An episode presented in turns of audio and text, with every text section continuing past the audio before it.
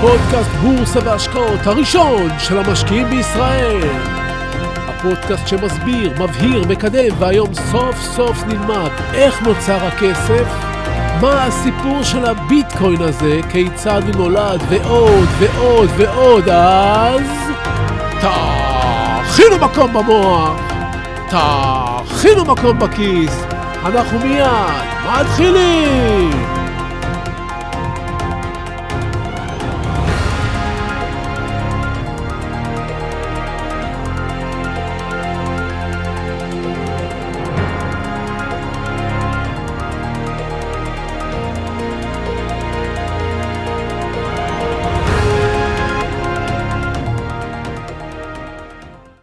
לא תמיד היה כאן כסף כמו שאנחנו מכירים אותו היום.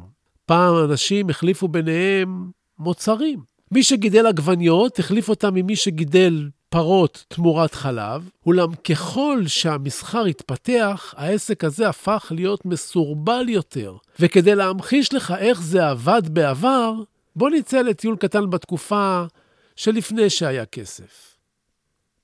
בעיירה אחת חיו בשלום ובשלווה, זה לצד זה, חקלאי שגידל תפוחי אדמה, רועה צאן שגידל כבשים, חרש ברזל שהכין כלי חפירה משובחים, נפח שהכין סירים גדולים, תופרת שתפרה בגדים, מורה שלימד את ילדי העיירה, ובעלי מקצוע נוספים שאפיינו את התקופה. החל מבוני כרכרות ועד למכשפים.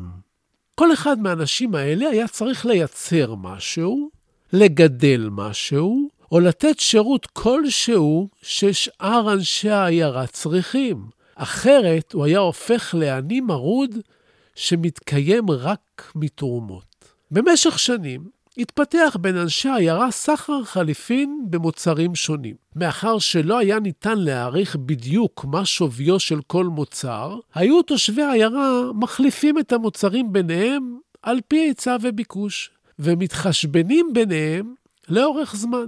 מורה העיירה היה מלמד את ילדי העיירה, ובנו של החקלאי היה מביא לו ירקות עבור הלימודים.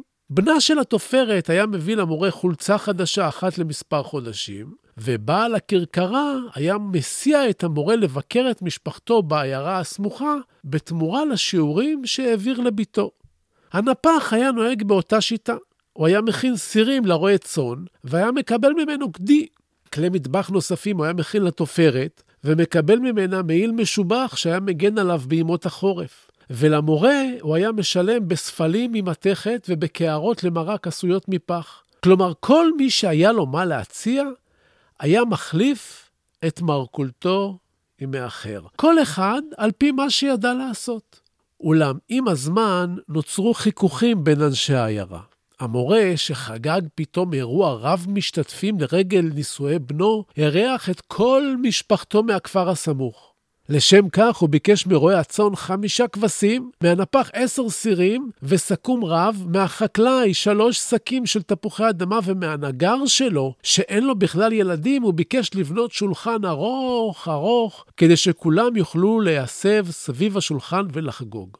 גם מהאופה הוא ביקש להכין עוגת כלה גדולה וחלות ולחמניות, וזאת בתמורה לכך שלימד בעבר את ילדיו של האופה שגדלו ובגרו וכבר סיימו מזמן את הלימודים. בעלי מקצוע שונים התרעמו על דרישותיו המופרזות של המורה. באספה שהתקיימה בכיכר העיר, שאל רועה הצאן מול כולם, כמה שעות לימוד שוות בערך לכמה כבשים? אותה מבקש המורה. האופה שאל, האם עליו להכין עוגה גם לאחר שילדיו סיימו כבר את הלימודים? מה עוד שבזמן הלימודים של ילדיו הוא דאג להעביר למורה כל יום לחמניות טריות עבור אותם שיעורים. הנגר הכריז כי אין בכוונתו להכין שולחן עבור המורה מאחר שהוא לא זקוק לשירותיו של המורה בכלל. אם המורה רוצה שולחן, שיבקש ממגדל הסוסים שילדיו לומדים אצל המורה, לתת לו סוס בתמורה. ואז הוא יכין לו שולחן. בו במקום הכריז מגדל הסוסים שאין לו שום עסק עם הנגר, ושהוא לא מוכן לתת שום סוס. כפי שאתם כבר מבינים, נוח זה לא היה. תושבי העיירה הבינו במהלך השנים כי הפתרון הטוב ביותר הוא מציאת מוצר אחד שכולם צריכים, וככה הם יוכלו לבצע החלפה עם כל המוצרים הדרושים. לאחר דיונים רבים הם הגיעו למסקנה כי השיטה הטובה ביותר היא ליצור מוצר כזה שיהיה קל לנוע איתו ממקום למקום, שכולם רוצים אותו, שכולם מכירים בו, וכל אחד יהיה מוכן לתת תמורתו את הסחורה שלו, את השירותים שלו. למוצר הזה הם החליטו לקרוא כסף, וככה הוא נולד, ופתר את כל הבעיות של העיירה ושל העולם בכלל. שלום וברוכים הבאים לפודקאסט חדש של בורסה והשקעות, הפודקאסט המוביל בישראל, שמלמד אותך דברים מסובכים בשפה פשוטה ומכניס אותך לעולם בו אפשר להרוויח כסף גם מהמוח. אז כדי שנתחיל, תכינו מקום במוח, תכינו מקום בכיס, כי הנה אנחנו מיד ממשיכים.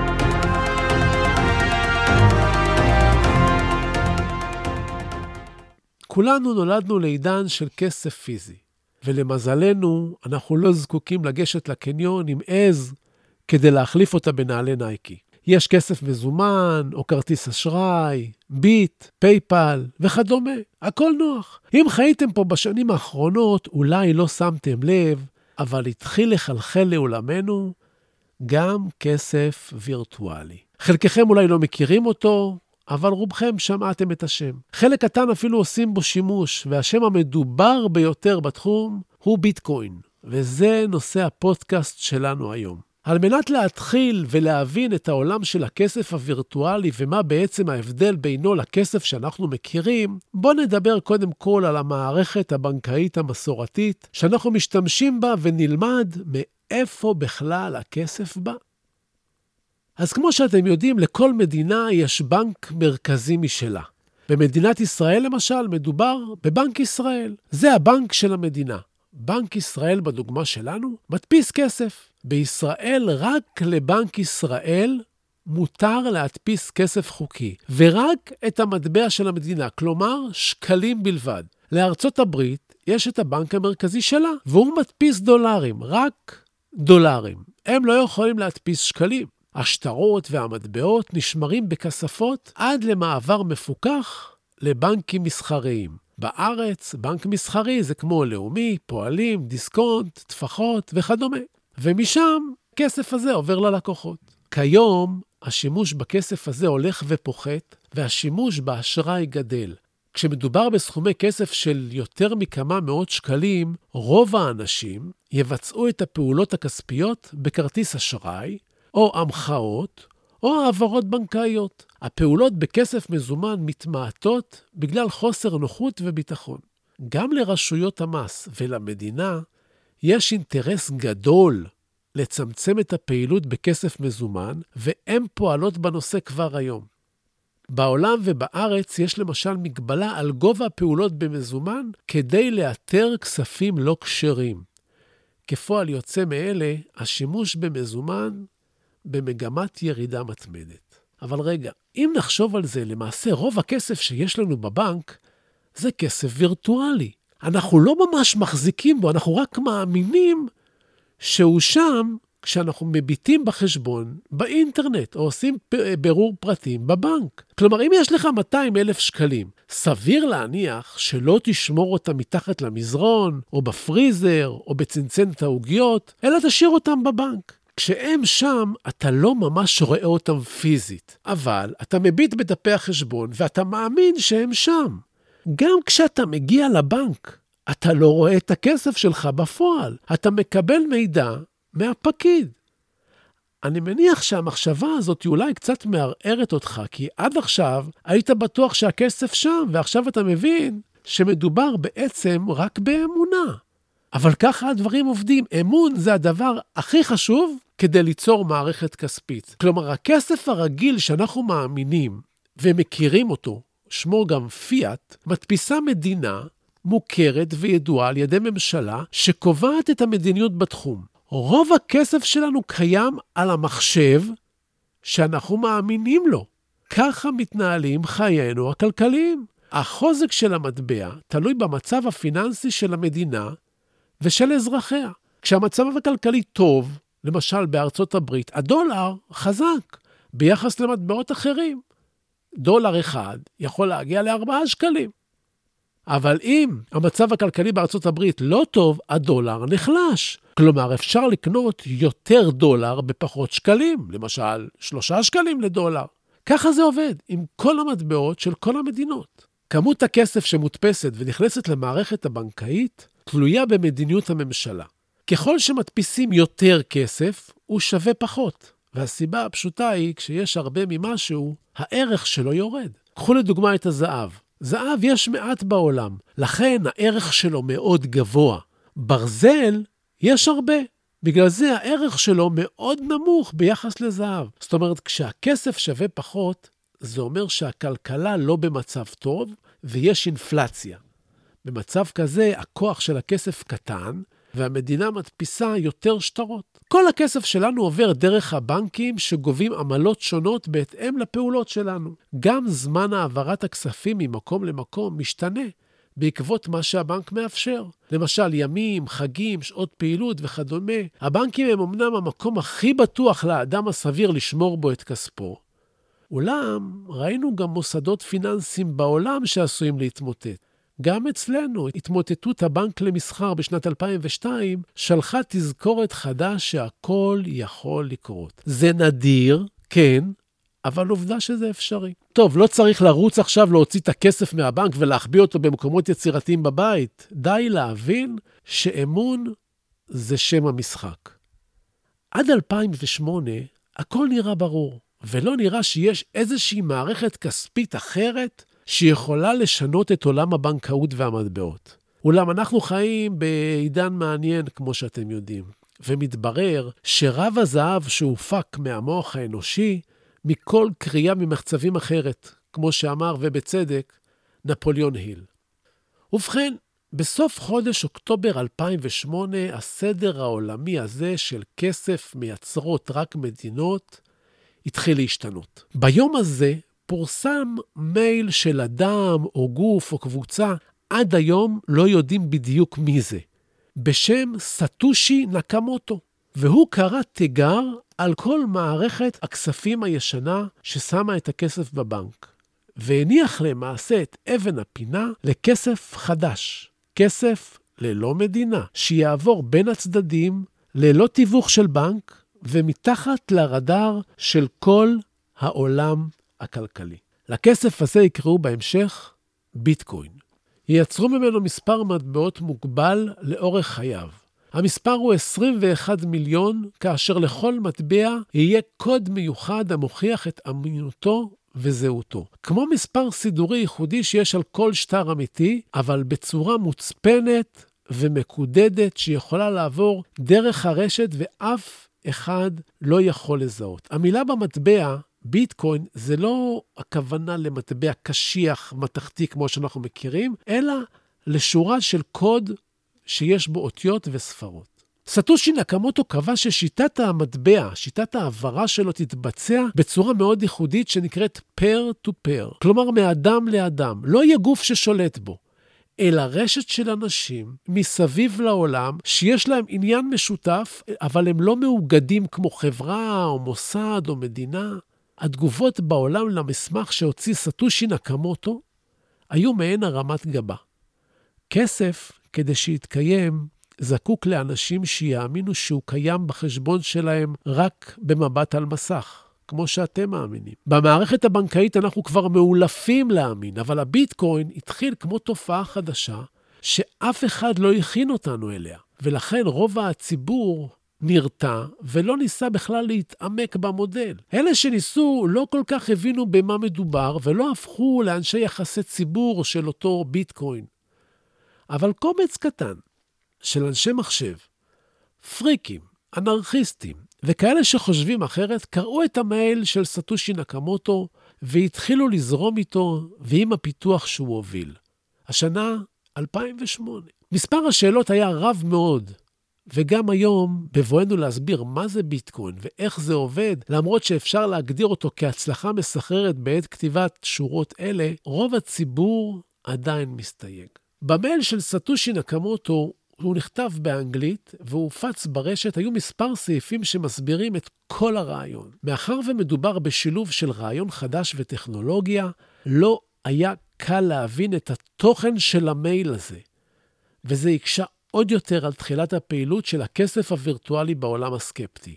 בייחוד בעולם שיש בו הונאות כלכליות ברשת שמתרחשות בו חדשות לבקרים. אז כדי שנוכל להבין את הרעיון של המייל של סטושי נקמוטו, אני תרגמתי לך את החלקים העיקריים שלו, ואני מצטט לך לפי הסדר הכרונולוגי. אז קודם כל, בדברי המבוא מסביר סטושי נקמוטו את חוליי המערכת המסורתית, וכותב כי נחוצה מערכת חדשה מבוססת קריפטוגרפיה. קריפטוגרפיה, אגב, זה תחום של מתמטיקה ומדעי מחשב. תחום שיכול לאפשר קידוד והצפנה בשביל להעביר נתונים בצורה בטוחה. הוא טוען שהוא רוצה להקים מערכת קריפטוגרפיה שתעביר את הכסף, ושזה לא, והכסף, ההעברה שלו, לא יסתמך על אמון כמו שקורה היום. המערכת החדשה תגן על המשתמשים במטבע בצורה טובה יותר. סטושי נקמוטו למעשה מביא חלופה למערכת של הכסף המסורתית והבנקים, כמו שהכרנו אותה. בסעיף נוסף, ששמו עסקאות, סטושי נקמוטו מגדיר את המטבע האלקטרוני כרצף של חתימות דיגיטליות ממוחשבות. כלומר, אם אני רכשתי מטבע וירטואלי, תהיה לו חותמת אישית שלי שמורכבת מרצף של אותיות ומספרים. מדובר ברצף של כמה עשרות אותיות ומספרים, שהם יהוו למשל את המטבע עצמו. כמו מספר סידורי שיש על שטר. ברגע שאני מוכר אותו למישהו אחר, תצטרף החתימה שלי לחתימה הנוספת של הרוכש, וככה הלאה. זאת אומרת שנוצר רצף של חתימות שגדל ככל שמספר העסקאות במטבע גדל. כדי שלא יהיו הונאות, כל מטבע אלקטרוני ייבדק על ידי גוף מוסמך, סוג של מטבע, הבודקת את המטבעות. הגוף שיוקם יבדוק את הרצף והחתימות ויאשר שהכל תקין. חותמת זמן. כאמצעי בטיחות נוסף על המטבע, יצורף למערכת חותמת זמן שתבדוק את אורך חיי המטבע, את זמני העברת הבעלות שלו כדי להימנע מזיופים. כל פעולה תהיה מתועדת גם מבחינת זמן מדויק על ידי השרת היהודי, מה שיאפשר לבדוק את החתימות של הרוכשים וזמן הביצוע שלהם.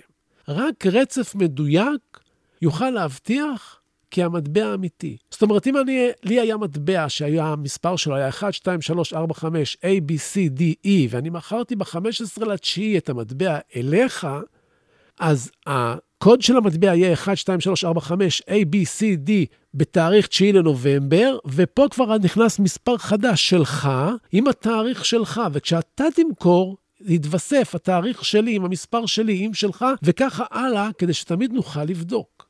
הוכחת פעולה, מערכת נוספת ממוחשבת שהיא באה להגן על כל פעולה במטבע לביטחון מרבי.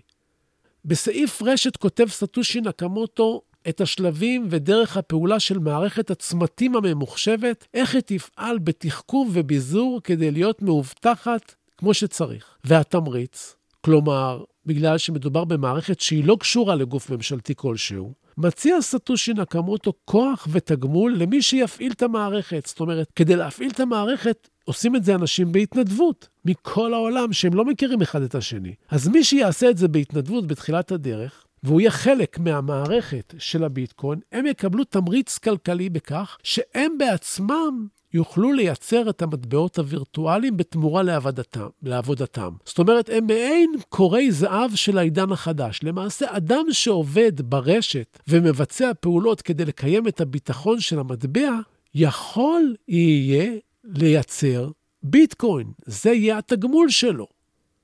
אוקיי? זה תחום מעניין. בנושא הפרטיות הוא אומר, סעיף זה שומר על קודש הקודשים של עולם הפיננסים. מאחר ומדובר בעסקאות ומטבעות שניתן לעקוב אחריהם בצמתים רבים, למען ההבטחה, מסביר סטושי נקמוטו, לא ניתן יהיה להתחקות על מבצעי הפעולות. הפרטים האישיים של הקונים ושל המוכרים יישארו אנונימיים. כלומר, אף אחד לא יודע למי יש ביטקוין, מי קנה אותו, מי מכר אותו, לא המדינות, לא רשויות המס. אוויר.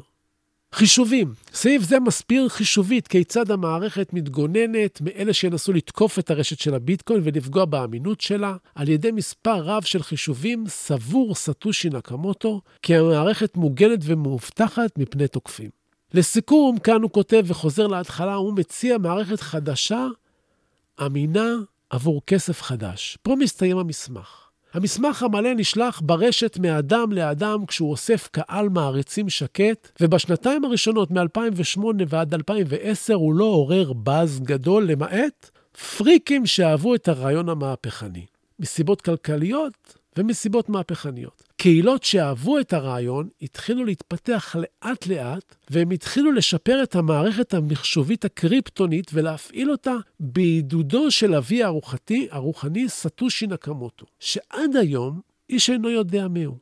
שנתיים לאחר אותו מסמך שייסד המטבע הווירטואלי, נעלם סטושי נקמוטו. משנת 2010 עבדו עקבותיו.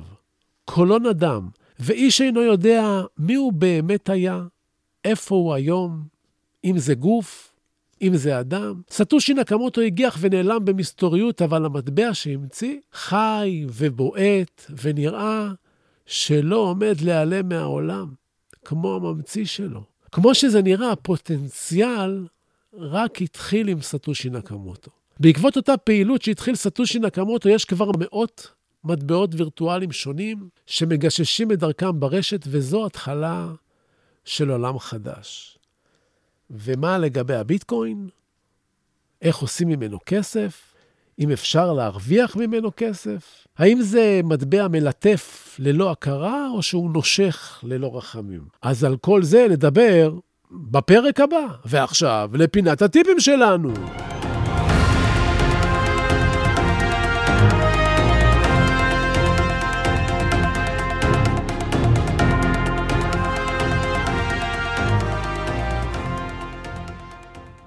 מעניין לעניין הוא באותו עניין, אני רוצה להתייחס למסחר במטבעות. לא מעט משקיעים חדשים מגיעים לשוק ההון ונחשפים לעולם המסחר במטח וממסחר יומי במטח. אני רוצה לומר לכם ולהזהיר אותי, כי מדובר בתחום קשה ומסוכן. אני לא מדבר פה על הביטקוין, אני מדבר פה על השקעות במטח של דולר מול שקל וכל הסיפורים האלה. לא פעם, מה שמגרה את הדמיון של האנשים ושל המשקיעים זה האפשרות של המינוף הגבוה וחלום תיאורטי שאם רק יזהו את הכיוון של הדולר, יוכלו לעשות מכה גדולה, אבל רוב הסיכויים שאת המכה הגדולה הם יקבלו. אז חברים, במסחר, במטח, זהירות, זהירות, זהירות. וזהו לנו להיום. אני מקווה שנהניתם והשכלתם, ותודה רבה על התגובות החמות. תודה על השיתופים. תמשיכו ותפיצו, אנחנו ממש גדלים יחד. עד הפגישה הבאה שלנו, אני מקווה שנשארתם סקרנים, אז תשמרו איתי על קשר, תבואו, תבקרו באתר שלי סודות.co.il, יש שם הרבה עצות חינם. שלחו לי מייל, תגידו לי מה הדעה שלכם, זביקה, שטרודל, סודות.co.il. שלחו לי הודעה פרטית בפייסבוק, אני נמצא שם תחת השם צביקה ברגמן, בעברית, כאן. תעקבו אחריי באינסטגרם, סודות, קו תחתון, בורסה באנגלית, תגיבו, תשאלו, תעלו נושאים, אני אחזור לכל אחד ואחת מכם. יש באינסטגרם חומרים על בסיס יומי מדהימים. אני מבקש, סמנו שאהבתם, תשלחו את הפודקאסט לעוד כמה חברים. כן, אני רוצה עוד מאזינים לפודקאסט, אז תעשו השתדלות, תפיצו, תודה רבה שהאזנתם, תמיד תזכרו, הכל חינם, חינם, חינם. אני נותן לכם הרבה אושר וידע, ואתם רק צריכים לאבד את זה בראש. אל תשכחו להירשם לקבלת עדכונים באפליקציה שאתם מאזינים דרכה. ככה בכל פעם שיעלה פרק תקבלו הודעה. אז שיהיו לכם בשורות טובות, הלוואי שתתעשרו בהקדם. אני הייתי צביקה ברגמן ואנחנו ניפגש, נכון, בקרוב.